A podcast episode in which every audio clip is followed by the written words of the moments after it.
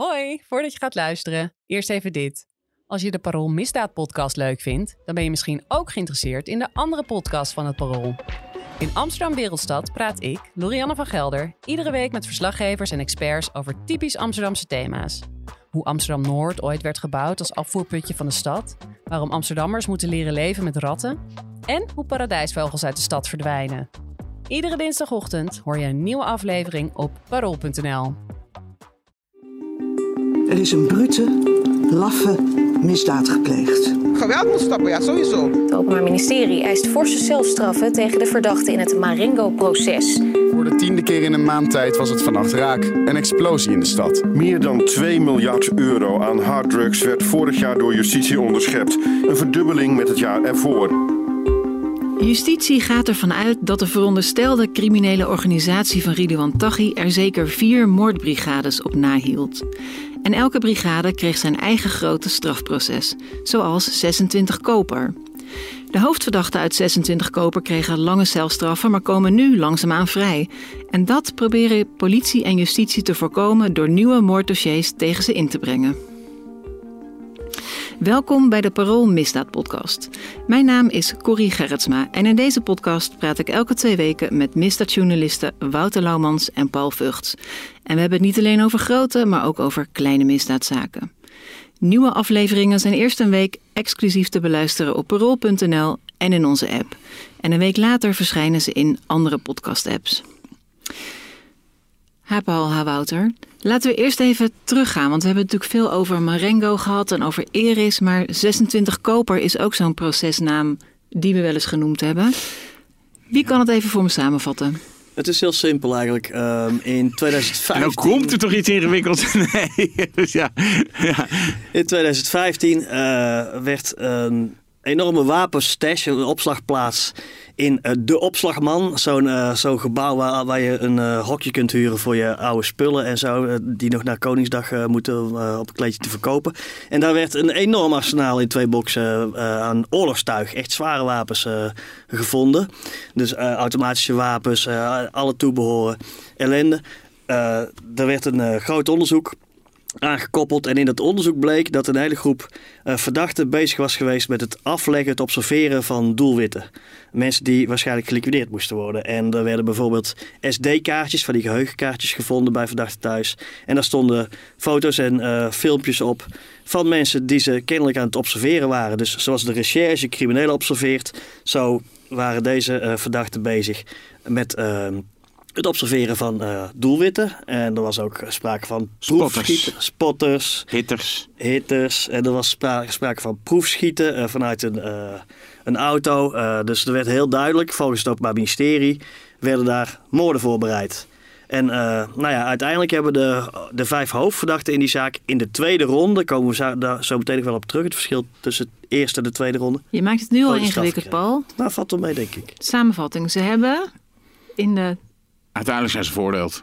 Maar de, deze zaak, hè, dat, die heet 26 Koper. En dat is eigenlijk de, de moeder aller onderzoeken naar Ridouan Taghi. Dat, en dat, dat klinkt een beetje gek wat ik nu uh, zeg, omdat nou ja, Ridouan Taghi eigenlijk helemaal geen verdachte was in uh, mm -hmm. dit onderzoek.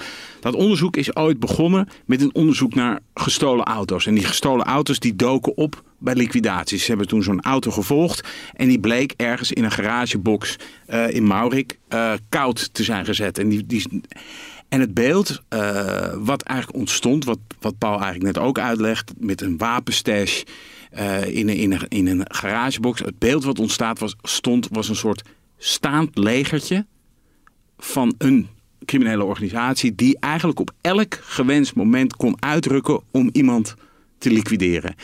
Uh, en dat was toen, uh, en we hebben het dan over 2015, uh, 2006, dat was echt nieuw. Dat, dat, dat was er gewoon nog niet. Zo, zoiets, zoiets professioneel. Dat het al bestond, zo'n soort brigade. Nee, dat je Tuurlijk waren er liquidaties ge, ge, gepleegd, maar gewoon een soort van een ploeg die zich bezighield met, uh, met het afleggen en mogelijk ook liquideren van doelwitten.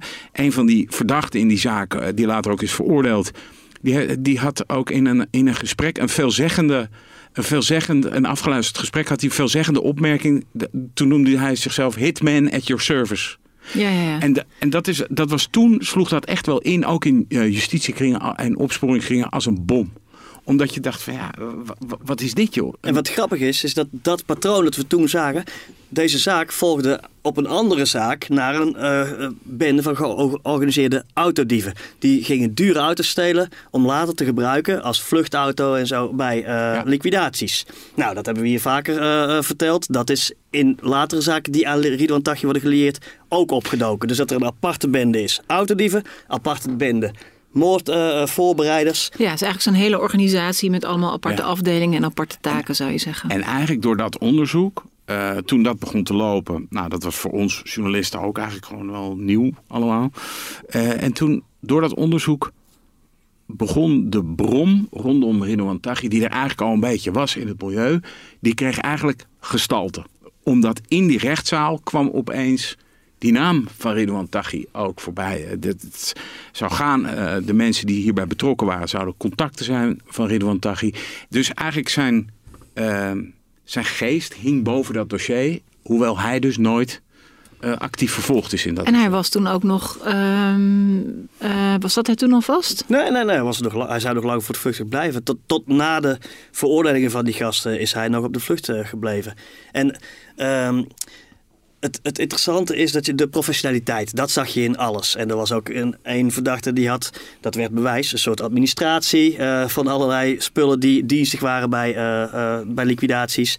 Een andere verdachte. Nou ja, goed. Op allerlei manieren speelden zij een rol. En ze waren duidelijk een soort uitzendbureau voor, voor liquidaties. Een soort freelance ploeg die zich dan niet inhuren.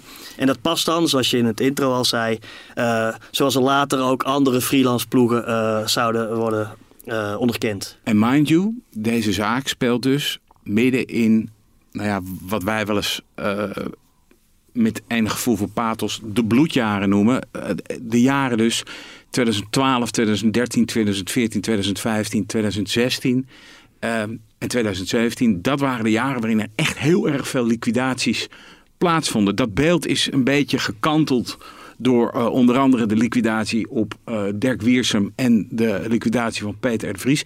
Maar de bulk van de liquidaties vond zich echt, heeft, zich echt, heeft zich afgespeeld zo van 2011, 12 tot eh, denk ik 2017. Als ik het zo een beetje goed en, zeg. En met dat verschil dat het in die tijden om criminelen ging die criminelen liquideerden. En later, en Ja. daardoor weet iedereen dat zo goed uit zijn hoofd, omdat het eh, heel erg de bovenwereld was, Ja. werd eh, eerst misdaadblogger Martin Kok, maar later de broer van de kroongetuige, de advocaat van de kroongetuige Peter R. de Vries, eh, geliquideerd. Dus dat die liquidaties hebben zo, en begrijpelijk, te, zoveel eh, eh, impact gehad. Maar dat vertroebelt soms het beeld op de hoeveelheid van liquidaties en onder, grof onderwereldgeweld die de jaren daarvoor al hadden, had plaatsgevonden. Even nog naar de, ehm, de verdachte van dat 26 koper. Want ze hebben dus zo'n auto gevolgd naar zo'n opslag. Ja. Dus vanuit die Rotterdamse zaak Ja. tegen autodieven Maar komen waren ze in deze daar data. al die verdachten? Of die verdachten zijn later ook weer via die PGP-berichten Ja, en zo die opgespoord? die- ze, zijn dus die, ze hebben die auto ge- gevolgd en die opslagplaats daar in, in de garagebox in Maurik. Daaromheen zagen ze dus mensen bij de garagebox scharrelen. Die zijn ze allemaal gaan volgen. En zo hebben ze eigenlijk het lijntje van die hele criminele organisatie afgelopen. Tot ze uiteindelijk bij die opslagman uitkwamen. Waar ze dus gewoon tassen vol met eh, AK's, Glocks vonden. Maar ook van die liquidatiepakketten. Hè. Dus gewoon een soort tas met één AK-47 en een Glock. eh, en, en Een soort ready to go gewoon. ready to go. Ja. En ook heel veel PGP-telefoons. Maar echt, nou, tientallen. En je moet je voorstellen dat je dan in een nieuwe fase terechtkomt. Want als je zulke dingen vindt, er is iets, iets dat heet doorlaatverbod in Nederland. Je mag niet zomaar als je zoveel wapens vindt en je vindt ka- geheugenkaartjes waarop duidelijk doelwitten worden eh, geobserveerd. Dan kun je niet denken, oh, we laten ons onderzoek nog even geheim, we laten het lekker doorlopen. eh, want straks worden er nieuwe liquidaties gepleegd.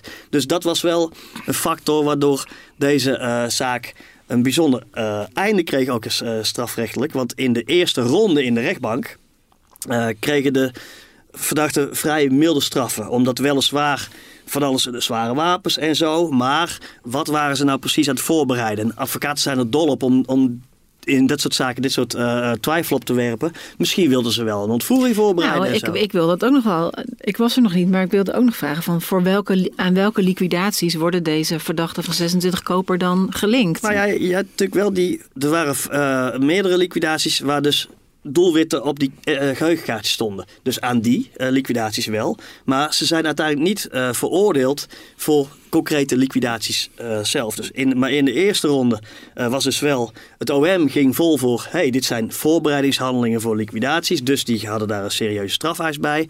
De rechtbank zei...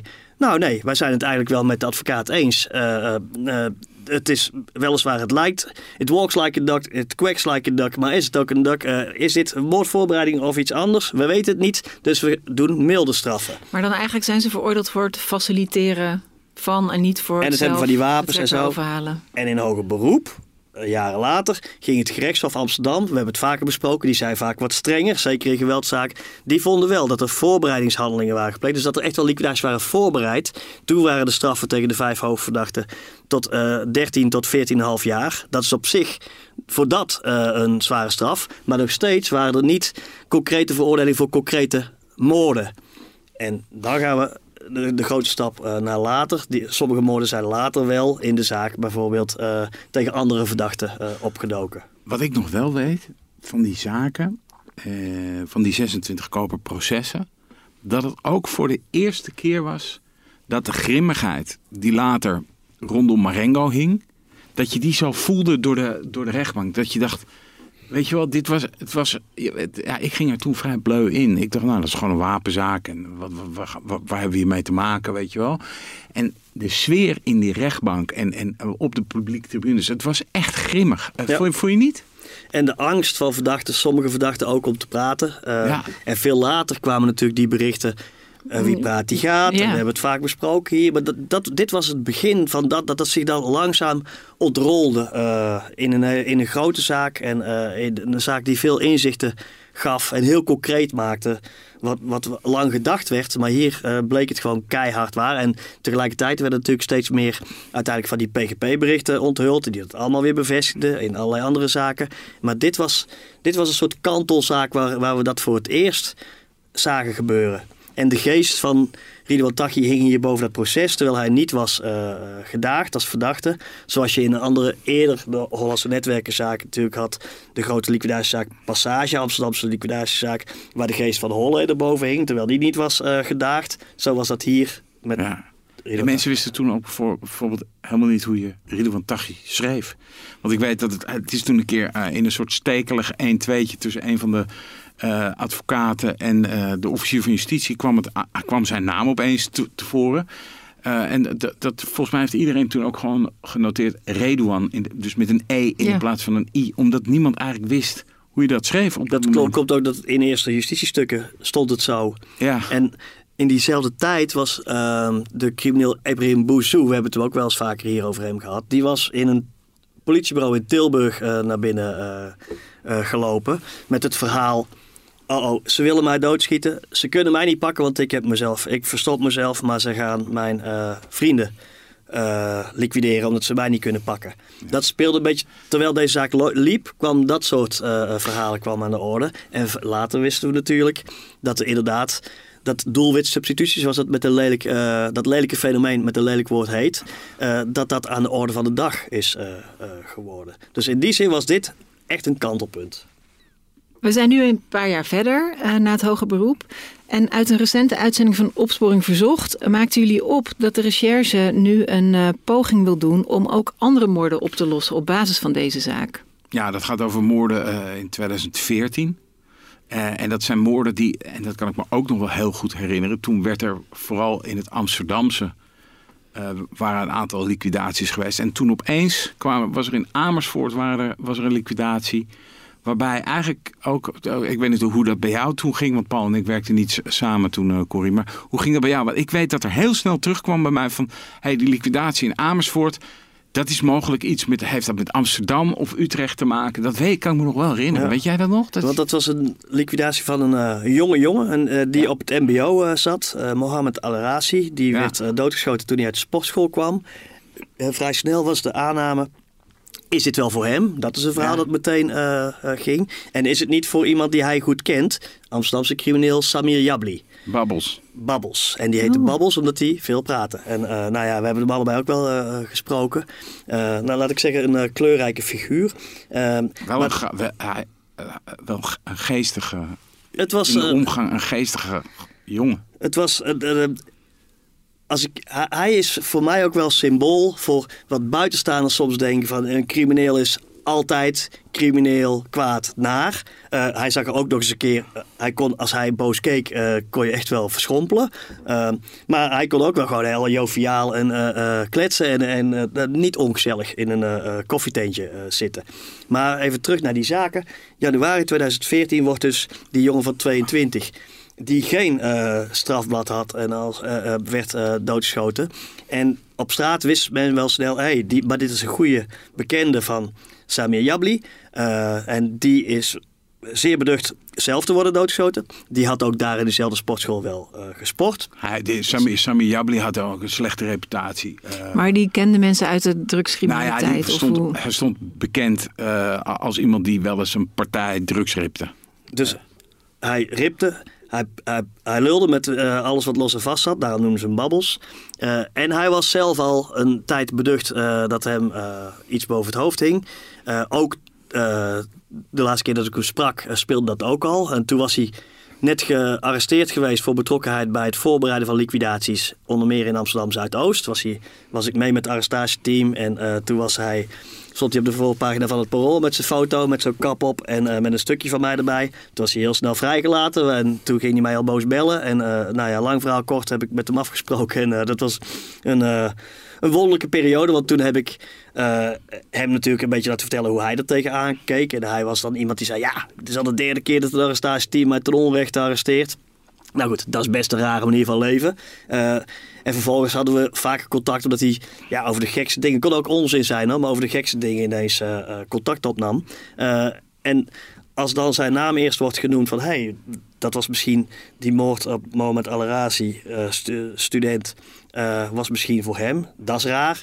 Toen was hij zelf ook een tijdje onder de radar en hij was heel spichtig en eh, probeerde eh, te voorkomen wat uiteindelijk toch gebeurde. In december 2014 is hij in zijn auto eh, bij zijn ouderlijk huis in Ja. Amersfoort alsnog geliquideerd. Bij Opsporing Verzocht liet ze ook een fragment horen van dat hij de politie belde waarin hij zegt van... ja, er zit, er zit een liquidatieteam achter me aan. Eh, ze zitten in een BMW 3-serie, ze rijden nu door de straat, het is niet goed. Eh, nou ja, ik kan het niet helemaal letterlijk eh, reproduceren, Maar hij, hij klinkt in, pa- ingegaan, of- in paniek op dat moment.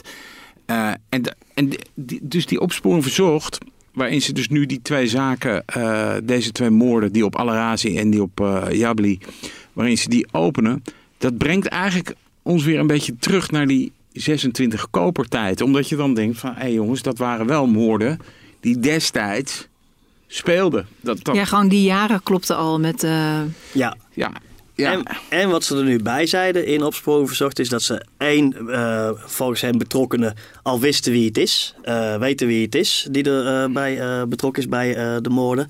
Eh, dat, eh, er is ook iemand gezien die Samir Jabli zou hebben gevolgd bij een McDonald's in Amersfoort en eh, nog op een andere plek.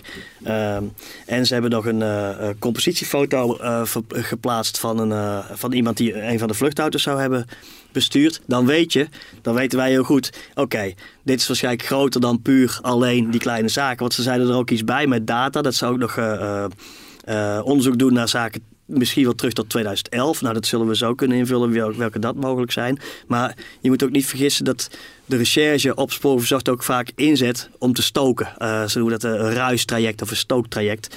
Dan, eh, dan proberen ze het finaal bewijs in zaken te krijgen door van alles op, eh op spoorverzocht Ja, wat- te roepen. Ja, ze hebben, nu gezegd, bellen. ze hebben nu gezegd, we hebben nieuwe informatie over deze twee moorden ontvangen. Dat en dan hopen ze dat mensen gaan bellen. Nou ja, dat Elkaar. veroorzaakte wel een klein schokgolfje in een, een Ja. bepaald segment van het criminele milieu, kan ik je vertellen. Want het was wel van, huh? Opeens, nu, bijna tien jaar na dato, gaan, worden die, wordt die zaak weer... Wat, wat is dit?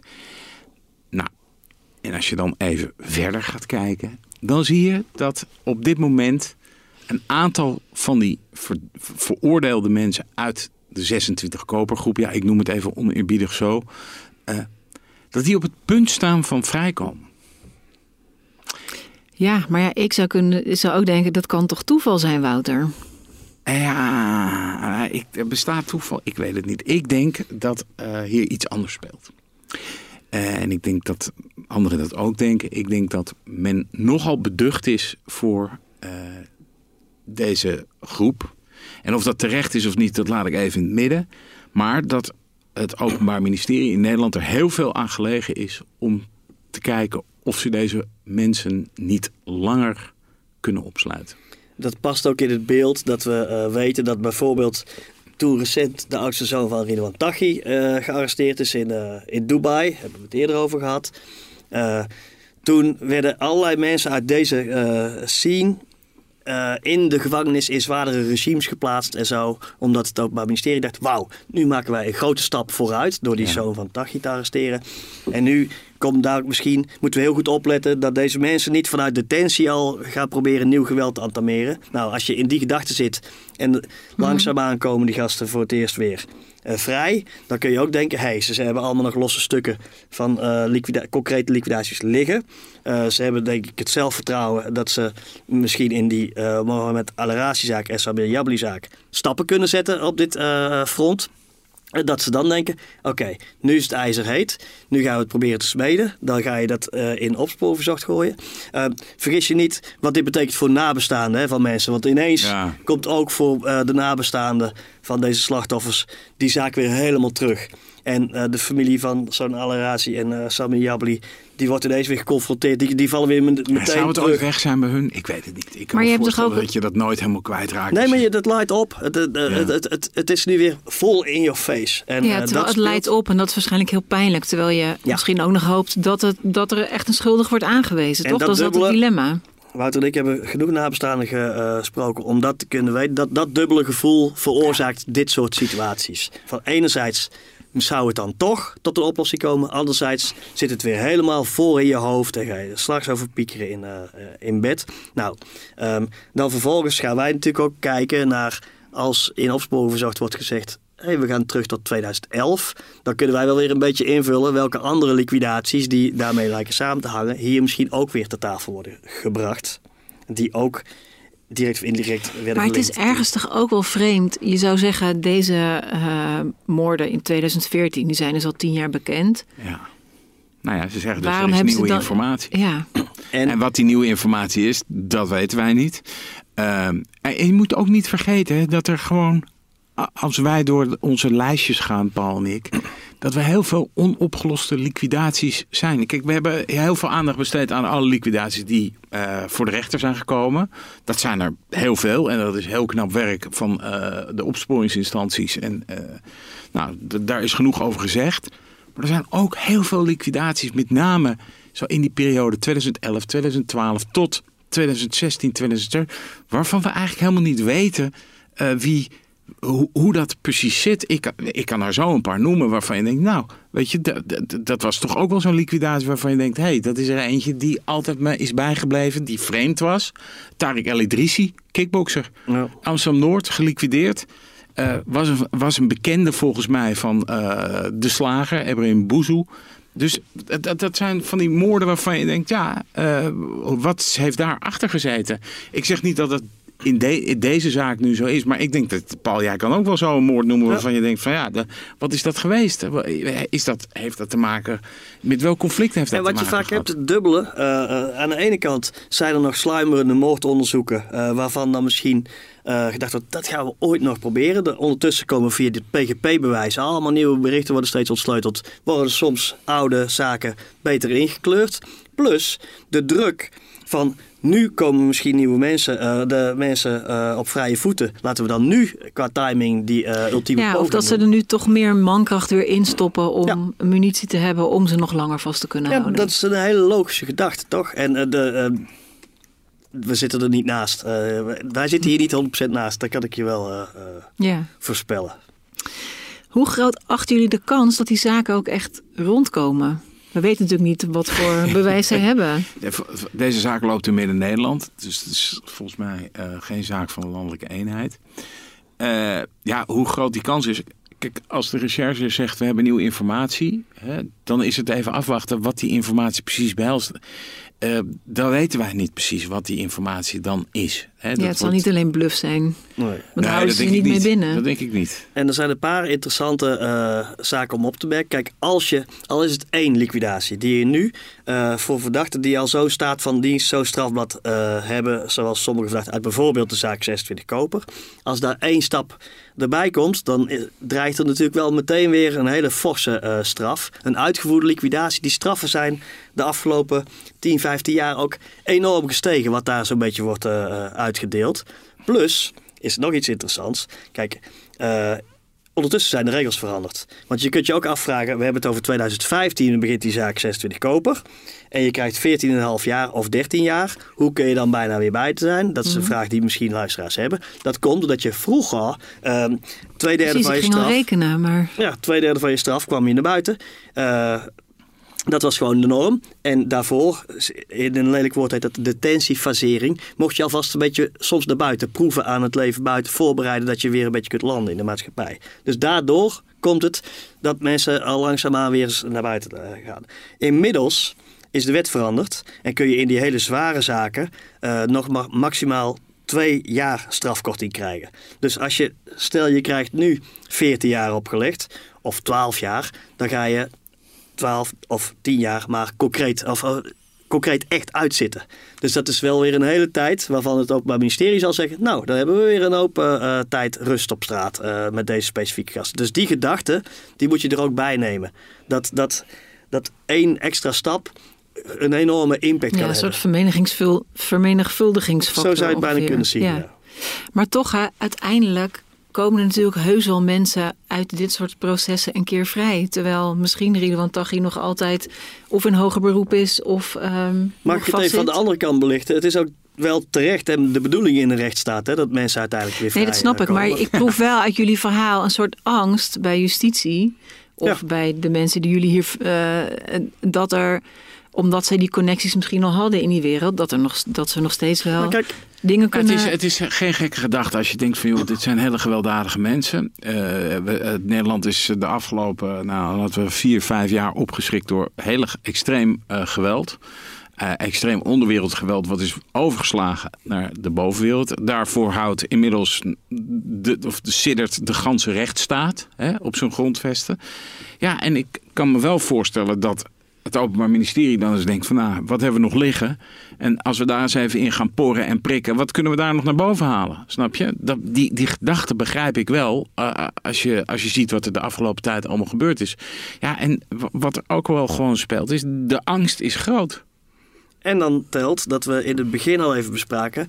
Het beeld dat we tot nu toe hebben, eh, is dat er aan de organisatie, de vermeende, veronderstelde eh, eh, organisatie van Ridwan Taghi minstens vier moordploegen eh, waren verbonden. Dus 26 Koper, de, Marengo, de groep die in Marengo terecht staat, de groep die in Eres terecht staat, Calawago en consorten, en de groep Polen die onder meer aan Peter de Vries de moord al worden gelinkt. Ja. Dan denk je als staat, die vier groepen, die hebben we toch maar mooi binnen. Nou, dan komt groep 1 zo langzaamaan richting buiten. En dan denk je, shit, dan hebben we dadelijk weer een nieuw eh soldatenlegertje eh, potentieel eh, op pad. En wie weet wat er binnen alweer voor nieuwe verbanden zijn gesmeed. Dat weet je ook nooit. Dus al met al, als je het grotere plaatje beziet... en het grotere plaatje waarin het Openbaar Ministerie probeert...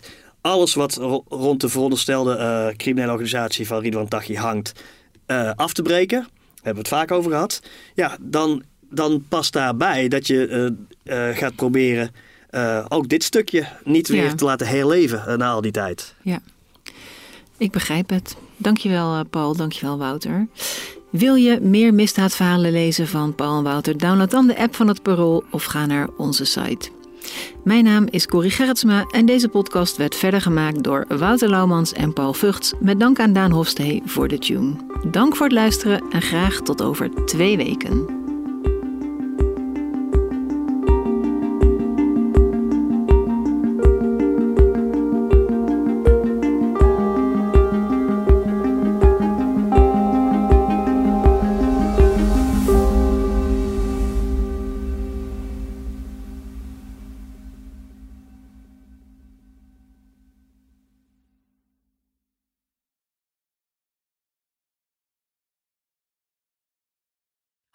Ik ben Camilla Leupen, hoofdredacteur van Het Parool.